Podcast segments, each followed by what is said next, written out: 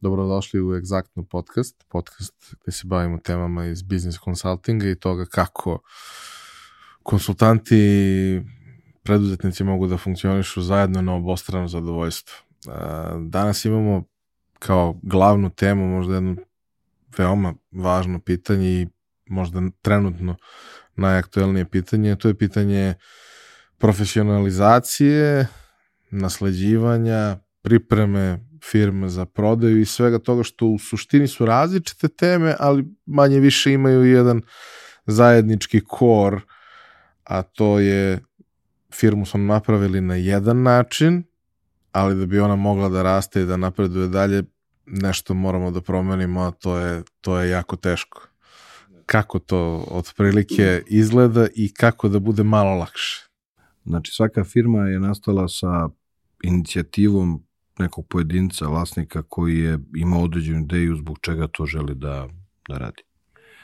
I 90% uspešnih priči a, nije imala ni strategiju, nije imala ni dovoljno znanja na samom početku izve te jedne velike energije i želje i verovanja da će to nešto bude uspešno. I onda svaka firma ima svoj ciklus, kako raste, kako se razvije i gde su negde neki reperi na kojima se bude neke lampice, dižu neke crvene zastave, kako se negde vidi ovaj problem. I onda obično taj problem prvi put nastupa kada se dođe u organizacijalni problem, fali mi ljudi. Tako. Pa se onda snalazite, zapošljavate prijatelje, familiju, rođake, komšije, pa onda to krećete na takav način pa onda obično drugi neki crvena zastava bude, e, sad smo već porasli, sad smo već došli, pa obično negde zaškripi negde neki novac, neke pare, malo vam fale još i tako dalje. Pa se onda i to negde prevaziđe i sad negde firma ima neki svoj tempo rasta i razvoja i onda dođemo do taj najvećeg problema koji si ti sad rekao, to je bilo i u italijanskoj predaju, ta takozvana druga generacija. A, tata i mama su nešto pravili napravili su i sada je to postala već firma koja ima i kapital i biznis i ideju i ljude i neki novac i svašta nešto i vi ste odrasli, ta neka druga generacija u jednom okruženju gde nisu naterani životno da moraju da grizu kao što su to radili njihovi roditelji i osnivači. I obično ta druga generacija negde je već imala sve u životu. I dobar auto i dobru školu i neko društvo, imali išli češće na odmore i, i uključili su se negde u firmu obično sa završenom nekom školom i u firmu su uključili da nauče posao. I onda se desi taj veliki problem koji kaže, ok, sad tu ima neki vlasnik, osnivač, tata, pa ima neki sin koji sad ili je zaista super i ima ideje i može zaista da pomogne, ali ima taj konflikt sa ocem koji kaže ali ja sam ovo napravio, ja ovo najbolje znam i ja ću to drugačije. Ja sam skoro pristao nekom panelu gde je bilo onako pet ili deset uspešnih priči, gde su ljudi zatvorili cikluse. A, ovo što sad rekao, od nastanka firme i svih pet, mislim da je bilo priči, je baš to otac i majka su započeli nešto i deca su preuzela, napravili uspešne kompanije i završili ciklu sa nekim ekvitijem, sa nekom prodajom, sa nekim strateškim partnerom koji je ušao unutra i od nekih malih firmi malih poslova u zadnjih 15 godina su napravili ozbiljne korporacije. I zaključak svi tih ljudi koji su preneli svoje iskustvo, ja ću to da prepričam, ako si se slažeš, jeste da um, su imali isti problem poverenje od strane roditelja da to što oni rade je bilo dovoljno dobro da im prepuste, ali zaista prepuste kompaniju. I ovo je, pričamo, pet uspešnih priča, naravno, mnogo, mogu pričamo prema neuspešnim i nećemo s time baviti. A, gde je jedan primer bio fantastičan, gde je čovjek rekao, eto, moj otac je došao i rekao, vidi, ja više ne mogu, ti si ovo sad nastavio, ja se povlačim i onda je taj čovek uzeo i promenio svašta nešto i krenuo da radi drugačije i njegov otac je bio ljut i tri godine nije te on da priđe ni firmi, ni ljudima, ni zaposlenima, ni bilo kome. Ali posle tri godine pozvao svog oca na, na, na godišnji ručak i rekao, ajde dođi bre, sedni sa nama da vidiš šta radimo. I čovek je došao i onda je ovaj, on izašao i pustio prezentaciju i pokazao šta su zadnje tri godine uradili, koliko investirali u opremu, koliko investirali u nove proizvode, koliko novih ljudi zapošljeno, koliko ljudi edukovano, koliko su zaradili profita u poslednje tri godine, kakve su planove, kakve su tržište izašla i čovjek kaže, nakon svega toga otac mu je prišao i zagrlio ga i rekao, vidi sine, uradili smo odličan posao. I to je meni bila, na primjer, fantastična priča. Ovaj, I od tad kaže da pričaju da su u odličnim odnosima i sve je super, ali tri godine nisu pričali. To mi je jedna priča koja onako otprilike upravo pokazuje a, šta je se desilo u, u ovakvim dobrim primjerima. E, ali veoma često imamo te primere koji nisu dobri, gde ta druga generacija ne preuzme posao i sve ono što smo prethodno rekli, nema energije, nema inicijative, nema potrebu da grize, ali je tu i obično gde krenu iz neke pozicije kako uđu u firmu već su nešto bitni, da? već je neki šef, već je neki direktor marketinga, financija, prodaje, a nikad prodaju nije radio, nije naučio, ne znam, proizvode koje se rade i tako dalje. I to jeste problem druge generacije. Kako to prevazići? A, uvođenje profesionalnog menadžmenta, ja ću, veoma, ja ću da kažem da sam veoma češće viđao loše primere uvođenja profesionalnog menadžmenta u, u SMI privatne firme nego dobrog. A, težak i naporan put gde vlasnici kapitala moraju da budu svesni da moraju da daju dovoljno šanse, dovoljno jasnu i preciznu postavku šta je taj profesionalni menadžment koga dovode može da donese i šta taj profesionalni menadžment očekuje. Profesionalni menadžer u nekoj kompaniji koju dođe, on će da očekuje da ima slobodu odlučivanja, da ima platu, da ima određene benefite, pa možda čak i da dođe do nekih šerova da mu se obećaju ili daju. I vlasnik tako i kad nađe profesionalni tim i profesionalni menadžment mora da uradi jednu bitnu stvar – I ako se to ne uradi, nema uspešnog procesa korporatizacije ili uvođenja profesionalnog menadžmenta, a to je da jasno i veoma precizno kaže šta očekuje od svoje kompanije za pet, a šta za deset godina.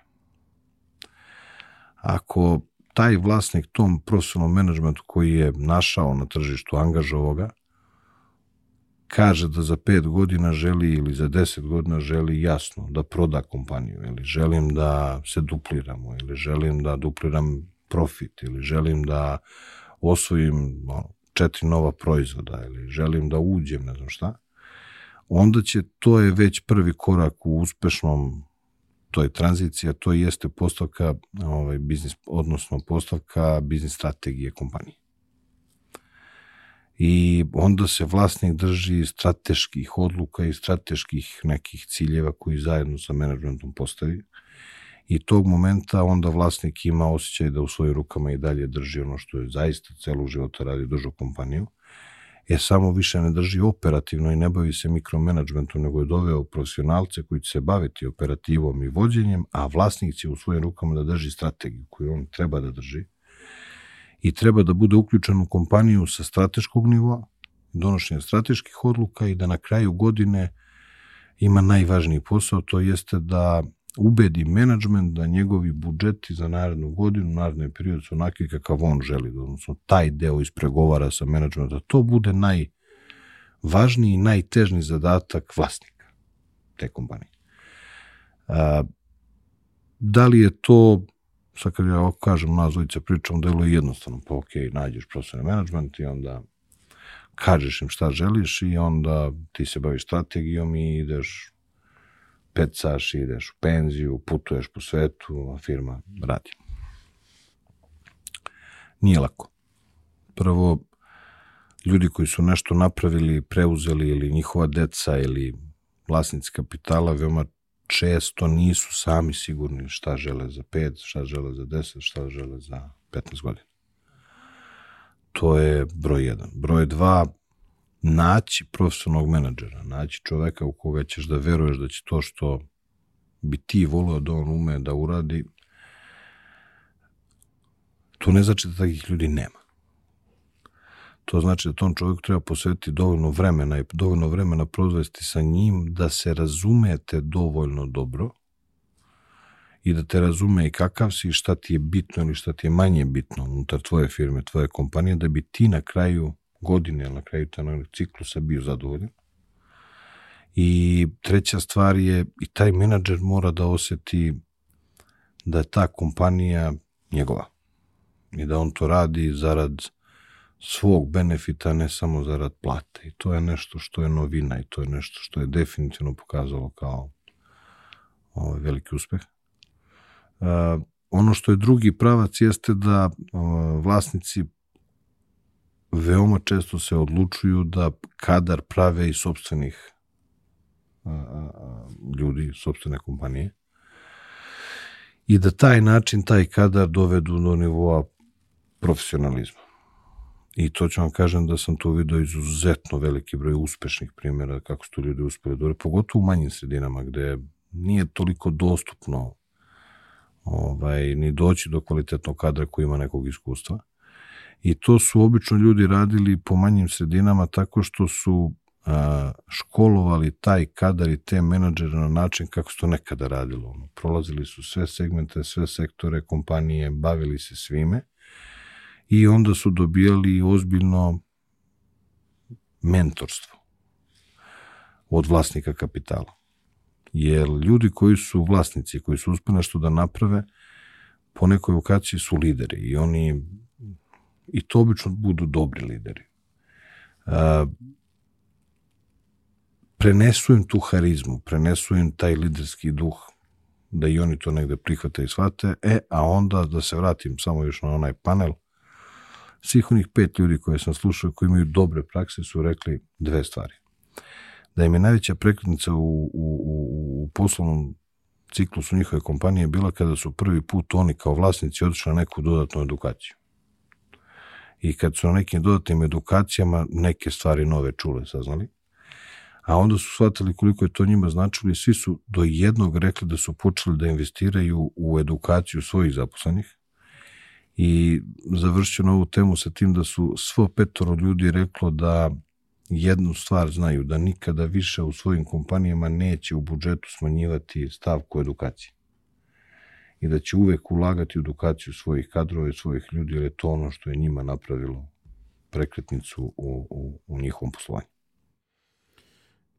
Čini se i iz razgovora sa, sa tim ljudima koji su pokretali sve te priče, kad uzmemo u obzir u kakvim okolnostima i vremenu su ih pokretali, tu je zaista trebalo ludačka i, i energija i upornost i sve i snalažljivost da se mnoge stvari prevaziđu.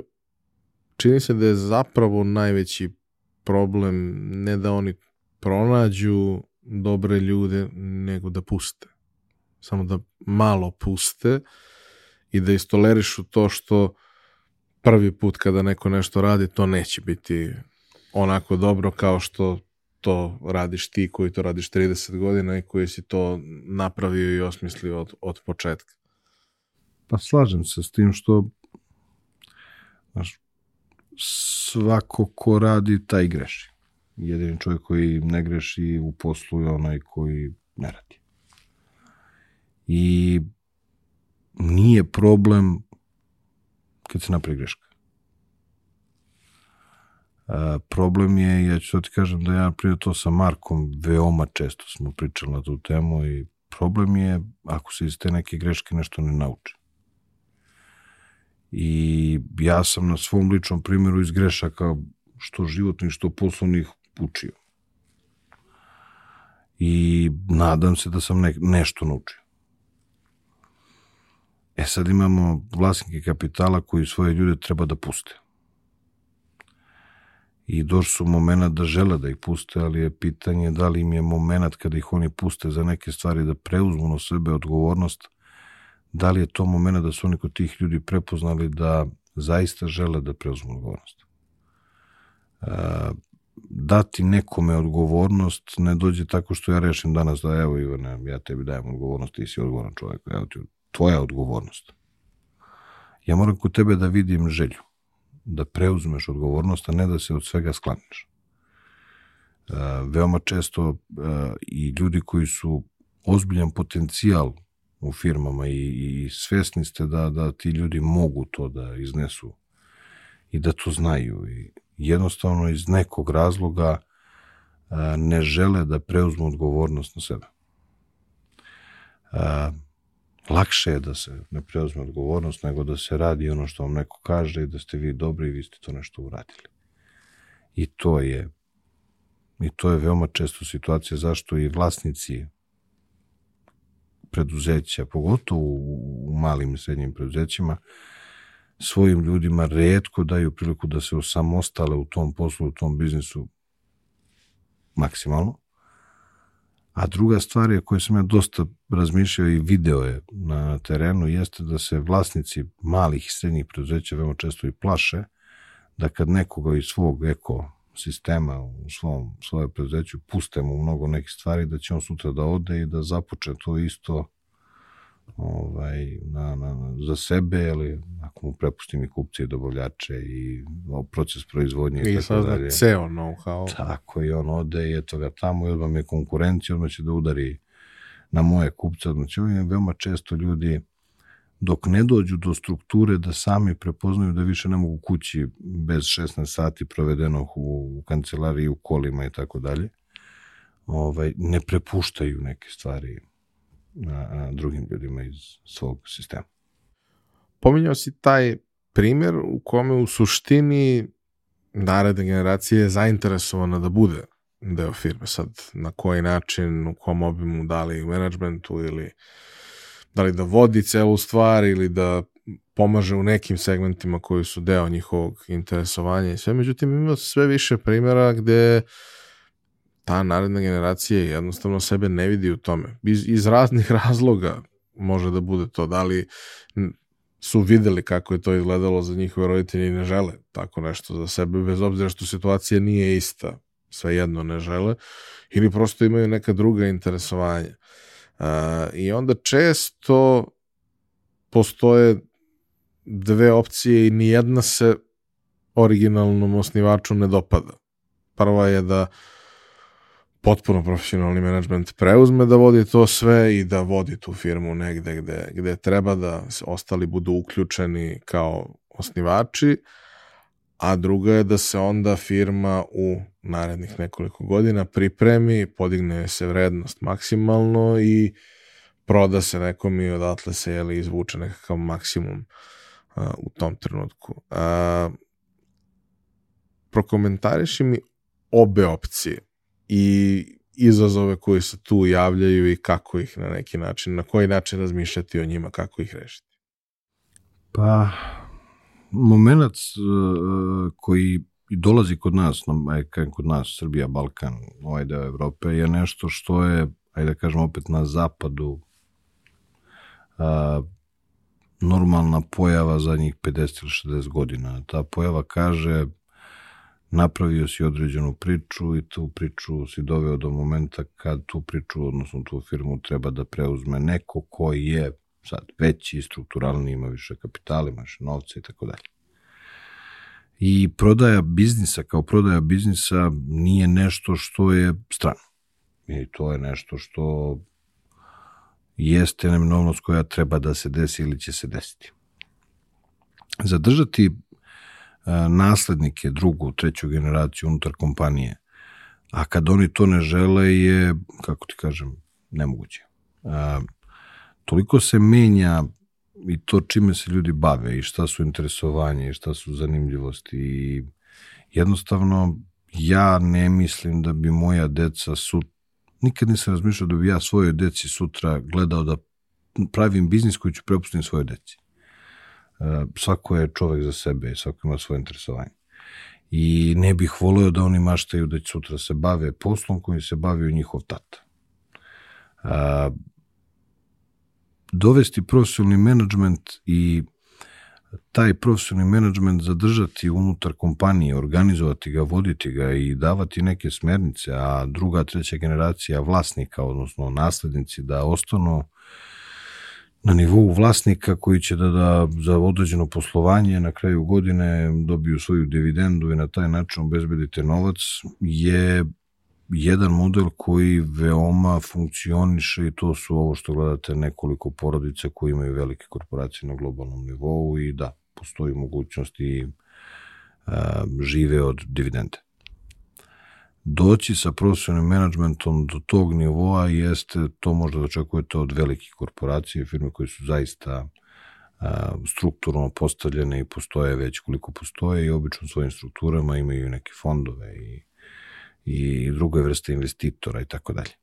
Zašto? Zato što se onda kontrola radi sa više aspekata i više načina kontrole samog menadžmenta i prevarnih radnja koje može menadžment da, da, da dovede. I tu vlasnici, od, oni koji ostanu kao stakeholderi, obično ti naslednici i nisu uključeni ni u kontrolu, ni u proces kontrole i to su velike korporacije koje to mogu da rade. Da li takav način može se očekuje da sutra neka SMI kompanija dođe do toga da maštamo da se uvede profesionalni menadžment, pa će taj profesionalni menadžment da isplaćuje vlasnicima određene dividende, ja u to ne verujem. I mislim da to, na primjer, nije opcija, dokle god kompanija ne izađe i ne pređe u neku korporativnu kompaniju, veliku kompaniju, pa onda sa tog aspekta unutra sa nekim fondovima i drugim akcionarima, pa se onda na taj način prirodno uvodi sistem kontrola. Ima i taj moment da je deo toga pitanje tržišta. SMI u Nemačkoj je mnogo desetina puta veći po obimu i po uh, prihodu, pa i po profitu nego što je kod nas. Na ovakvom tržištu tu obično nema prostora za sve da svi budu zadovoljni. Pa znam, ali čak i SMI u Nemačkoj, ja ne znam neki veliki broj primjera da su SMI, srednja mala preduzeća u Nemačkoj kao velika tržišta sa većim prihodima uspela da dovedu do nivoa prostornog menadžmenta koji radi za vlasnike, naslednike. To su već kompanije, korporacije. Druga opcija gde dovedete biznis do prodaje i prodate taj svoj biznis, dobijete neke pare, stavite ih na neki račun, onda se opet postavi pitanje a šta dalje. E sad ti naslednici dobiju nešto što je novac. E onda se obično taj novac investira a, u neke nekretnine, jel? A, ili se napravi neki fond pa im se zabrani da koriste pare do nekog vremenskog perioda. A, pa se onda te nekretnine, ili se kupe nekretnine, pa te nekretnine donose neki prinos od neke rente i na taj način vi u suštini obezbedite neke naslednike koji time nisu htjeli da se bave. E sad, da li je to nešto što je nama u, Sr u Srbiji ili ovde u regionu, ajde da kažem, i novina i zadnjih 10-15 godina takvi sistemi čujemo, pa jeste. Zbog i to geopolitičkog i istorijskog i svega što se dešavalo kod nas, ali, znaš kako, pogledaš malo Francusku, Englesku, to su ti ljudi koji su to, ovu priču koju ja i ti danas pričamo uradili pre 200 ili 250 godina. I to je tako zvani stari novac gde vi u suštini te naslednike imate koji su vlasnici ogromnih nekretnina, imaju ogromne prinose, e, žive, bave se nekim e, skroz drugim stvarima, imaju velike prinose i velike, ajde da kažem, veliki kapital u novcu, ovaj, koji u stvari jeste taj stari novac koji je nastao upravo tako. Nekad je neko prodao neku kompaniju, taj novac je investirao u nekretnine i te nekretnine su ostale. E, jedna od tu onako stvari koje, koje često gledamo sa strane i, i, i čudimo se je sam proces procene vrednosti biznisa. Jer svima su puno usta nekakvih multiplikatora, negde su pročitali nešto, to je najvažnija stvar. Na kraju dana, oko, oko tehnoloških kompanija, da ne govorimo, zato što tu ne postoji nešto zašto možda se uhvatiš da kažeš ima fabrika. ima da, poslovni da ne pričamo, prostor, ima, nema nešto. Da ne pričamo vrednost procena ovaj, Tesla i tako dalje. No. Ali kao na koji način se zapravo radi procena vrednosti firme i šta se radi u tom procesu koji obično traje nekoliko godina gde se firma sprema za prodaju i trudimo se da podignemo njenu vrednost. Da, izuzetno široka tema. I tema o kojoj bi sad ja i ti mogli da pričamo onako, par dana.